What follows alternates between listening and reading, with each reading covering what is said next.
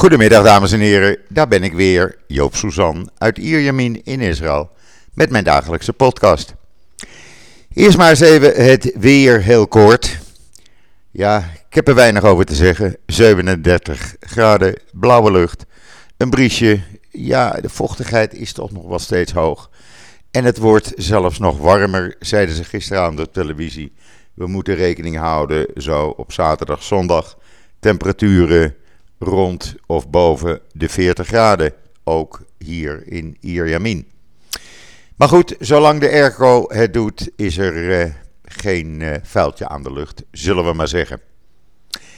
Ja, en dan even het coronavirus. Nou, we hebben wat over ons heen gekregen. En ik zeg we, want ik ben niet de enige die daar op social media over schrijft. Uh, er zijn anderen ook, zoals iemand onder de naam op Twitter, Unclex, Kobe.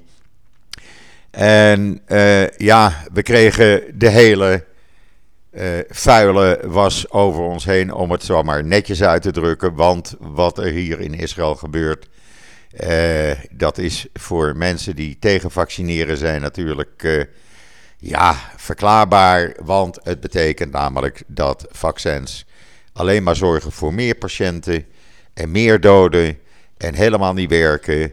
En jullie zijn uh, vaccingekkies en jullie zijn dit en jullie zijn dat. Nou, u wil niet weten wat we over ons heen kregen. En Kobe heeft zelfs besloten om voorlopig maar even te stoppen met social media, waaronder Twitter. En hij was daar vrij actief. Hij zegt vanmorgen tegen mij, hij zegt Joop, ik kan het niet meer aan. Ik probeer informatie te geven. Mensen uh, komen daar met hun eigen uh, leugenfantasieën, gaan ze daar tegenin. En alleen hun waarheid is, is waar in Nederland. Hij zegt, ik maak me ook ernstig zorgen over het feit, stel dat hier dezelfde uitbraak of erger komt als bij jullie in Israël. Hij zegt, nou dan, dan weet ik niet wat er hier gaat gebeuren, maar dat ziet er helemaal niet goed uit. Met zoveel mensen die doen waar ze zin in hebben en uh, niet afgaan op experts.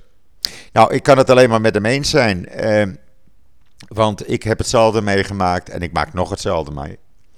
En ja, de informatie die hier komt, het is beter en meer dan in Nederland bekend is. Het is actueel, het wordt twee keer per dag aangepast.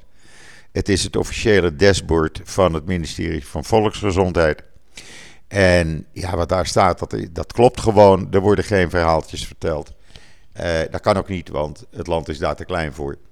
En elke avond krijgen we uitleg op televisie van specialisten, van artsen, van uh, mensen van volksgezondheid en andere ziekenhuisdirecteuren, uh, noem maar op. En ja, dat gaat allemaal prima. Uh, nog even voor alle duidelijkheid wat er hier aan de hand is. Want ik heb het gisteren ook gepoogd uit te leggen. En het, ja, er zijn mensen die het nog niet helemaal begrepen eigenlijk. Nou, laat ik even beginnen met de cijfers van vandaag. Uh, vandaag, tweede dag dat we bijna 10.000 nieuwe besmettingen hadden. Om precies te zijn, uh, hadden wij 9.891 nieuwe virusbesmettingen erbij op dinsdag. Dat uh, werd geteld nadat er 155.351 mensen een virustest hadden ondergaan. Er wordt hier namelijk elke dag 150.000 mensen gemiddeld getest. Dat is niet verplicht, zoals mensen doen voorstellen. Het is geheel vrijwillig. Als ik me nu wil laten testen, dan ga ik naar het ziekenfonds of ik ga naar een andere plek van het MDE of van het Homefront Command, waar een tent staat of een gebouw is waar je gewoon eh, kan laten testen. Op het moment dat je dat wil. Wat blijkt er nou? Er zijn nu bijna 78.000 actieve viruspatiënten hier in het land. Maar in de ziekenhuizen, daar lagen zondag 1142 patiënten. En de gisteren was dat gedaald naar 1118. Betekent dus dat er wel heel veel besmettingen zijn. Maar door de, juist door de vaccinering, wat hier gebeurt, eh, ja, hebben de mensen overwegend last van lichte klachten. Het overgrote deel wat op dit moment in de ziekenhuizen in Israël ligt, is niet gevaccineerd. En een aantal heeft onderliggende klachten. En ja, er liggen mensen in de ziekenhuizen die niet kritiek zijn, die wel gevaccineerd zijn, twee keer. En de mensen die drie keer gevaccineerd zijn, daar liggen er acht van in het ziekenhuis. En er zijn bijna 1,6 miljoen mensen nu uh, drie keer gevaccineerd. Dus dat is niets. En dat blijken mensen te zijn die een slecht immuunsysteem hadden of onderliggende klachten. Ik heb ook in dat artikel nu over het aantal besmettingen op israelnieuws.nl een uh, kopie geplakt van het uh, virusdashboard. Waarop je ook kunt zien dat in elke leeftijdsgroep het aantal niet gevaccineerde mensen in de ziekenhuizen het aantal gevaccineerde of gedeeltelijk gevaccineerde ruimschoots overtreft. Dus er zit echt, uh, er wordt niet mee gesjoemeld. Dit zijn de feiten zoals ze zijn. En iedereen die beweert dat het anders is, ja, sorry, maar dat is gewoon niet zo. En ik kan het wel blijven zeggen en we proberen het uit te leggen. Maar ja, het schijnt zo niet te werken. En dat toont een beetje aan de sfeer, de situatie in Nederland. En ik denk ook dat daar de overheid schuldig aan is in Nederland. Want uh, bijvoorbeeld in, in NuNL las ik vanmorgen dat het Nederlandse uh, ministerie van Volksgezondheid en het RIVM gaan binnenkort onderzoeken of een derde vaccinatie uh, zou kunnen werken.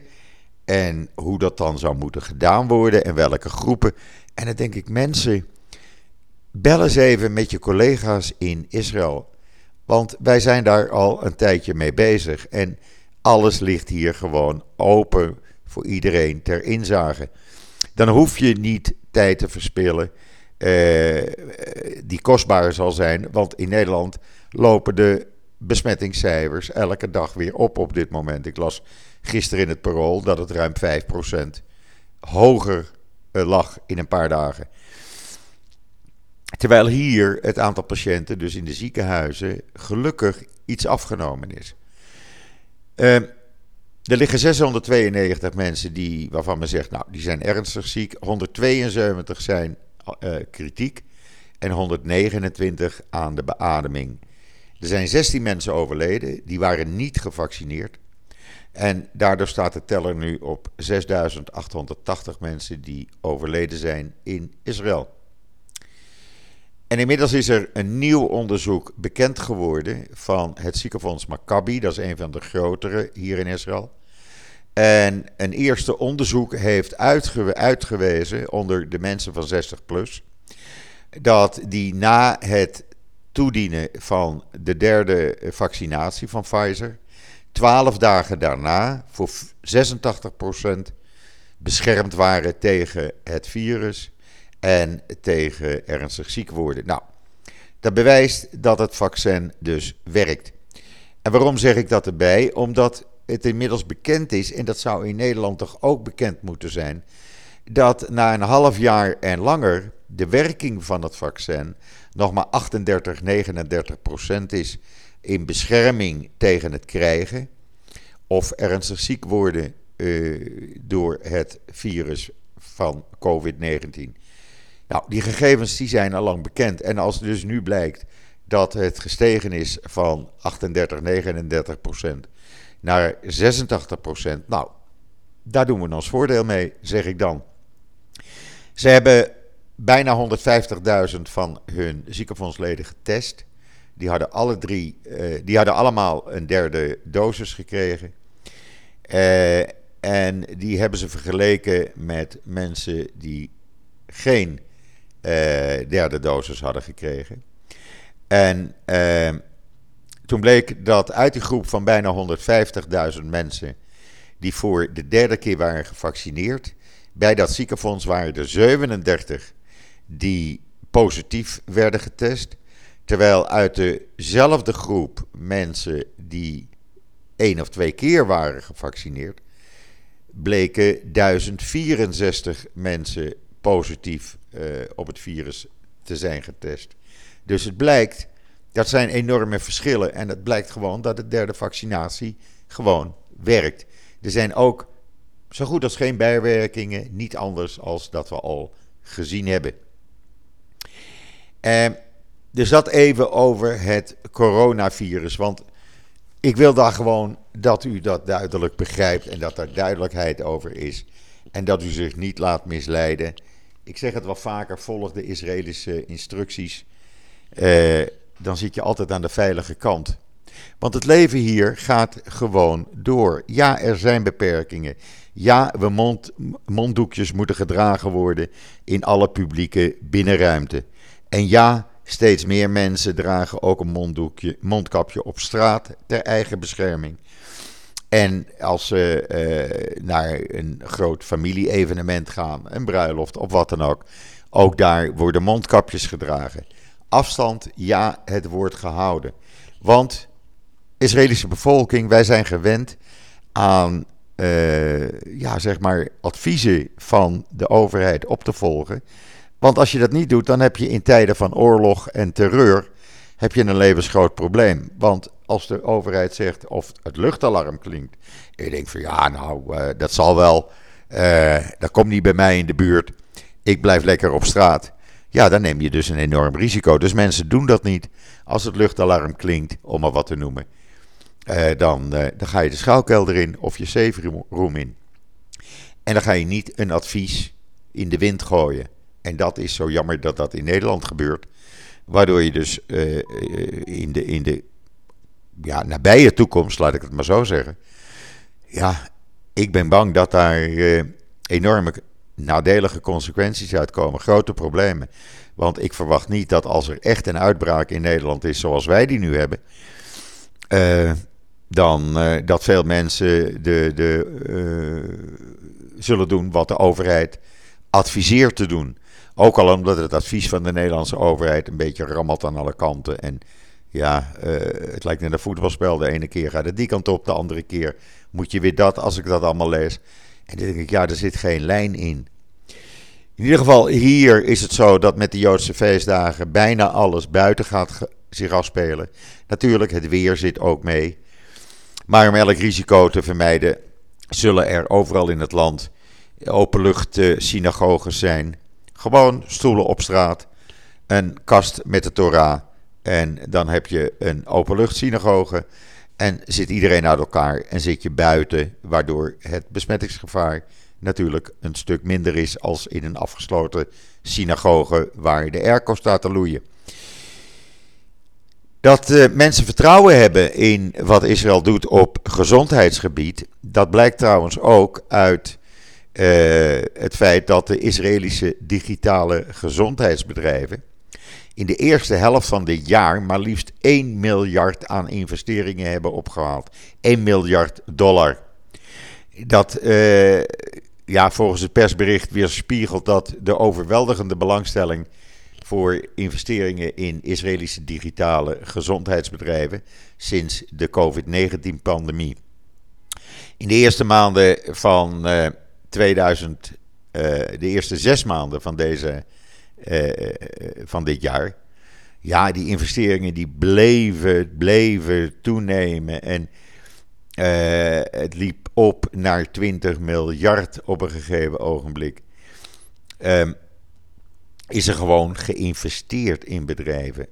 Er waren bedrijven die kregen gewoon investeringen van 10 miljard dollar.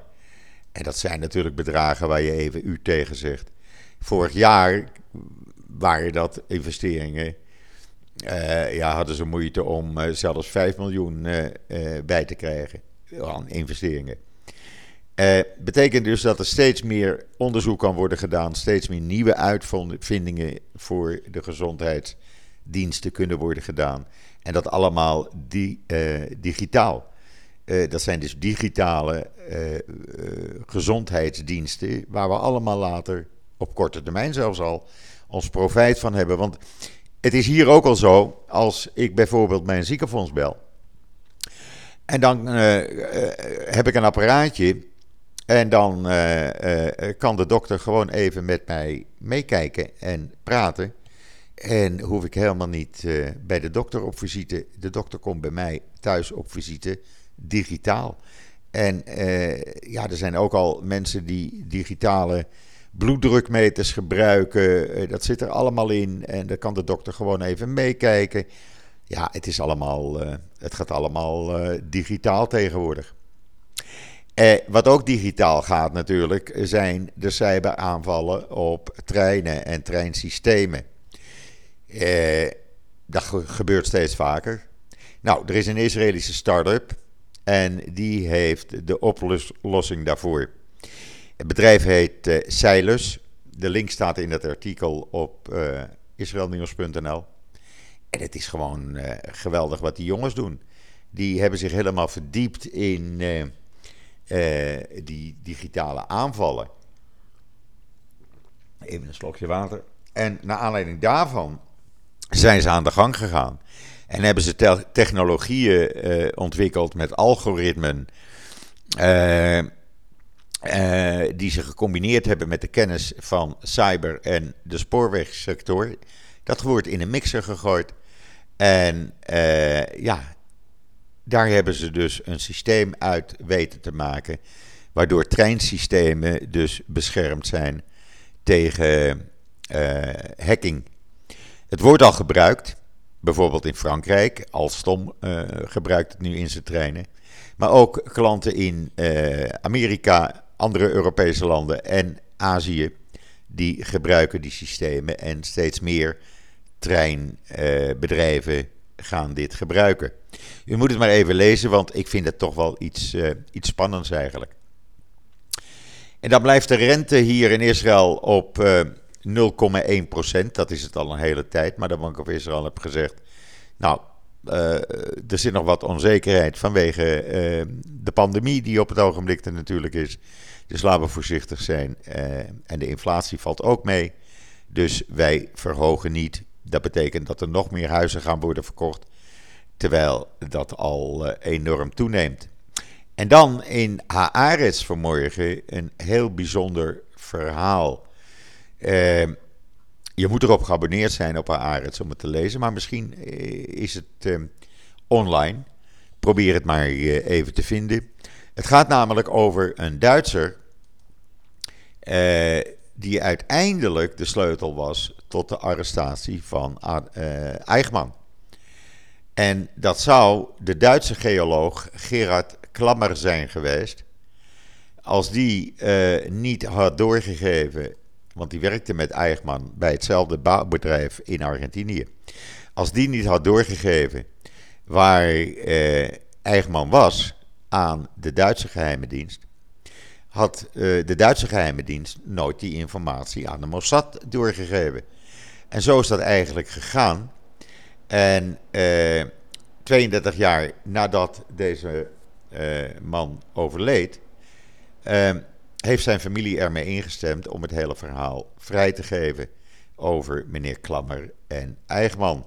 Ja, het, het heeft nogal uh, wat teweeg gebracht hier, want iedereen dacht natuurlijk dat de Mossad uh, goed speurwerk had gedaan. Nou, dat hebben ze natuurlijk ook gedaan. Maar ja, juist die laatste informatie, die kwam dus van een Duitser die met Eigman samenwerkte. Dus zo ziet u maar. En iets heel bijzonders. Um, ja, dat brengt mij eigenlijk alweer bij het einde van deze podcast. Morgen trouwens zit ik met Esther Voet van het NIW weer gezellig aan onze digitale keukentafel. Houd u daar alvast rekening mee en noteer ook vast in uw agenda dat ik maandag een podcast-interview heb met Joosje Asser, de dochter van uh, Eli Asser, van Het Schaap met de Vijf Poten, enzovoort, enzovoort. Uh, en dat gaat over het boek en een, een musical, toneelstuk, wat er wereldwijd komt. Over het Apeldoornse bos, waar Eli Asser uh, uh, uit gevlucht is. En dat, ik heb er al gesproken vanmorgen. Het wordt een heel bijzonder interview. Maandagmiddag staat dat online, want ik ga de maandagmiddag gaan we daarmee spreken met haar. En ik denk dat dat heel mooi gaat worden. Dus noteer vast in uw agenda. Morgen Esther Voet, maandag Joosje Asser. Rest mij nog u een hele fijne voortzetting van deze woensdag, de 25 augustus, toe te wensen. Wat mij betreft, morgen ben ik er dus samen met uh, Esther Voet. En zeg ik zoals altijd: tot ziens, tot morgen.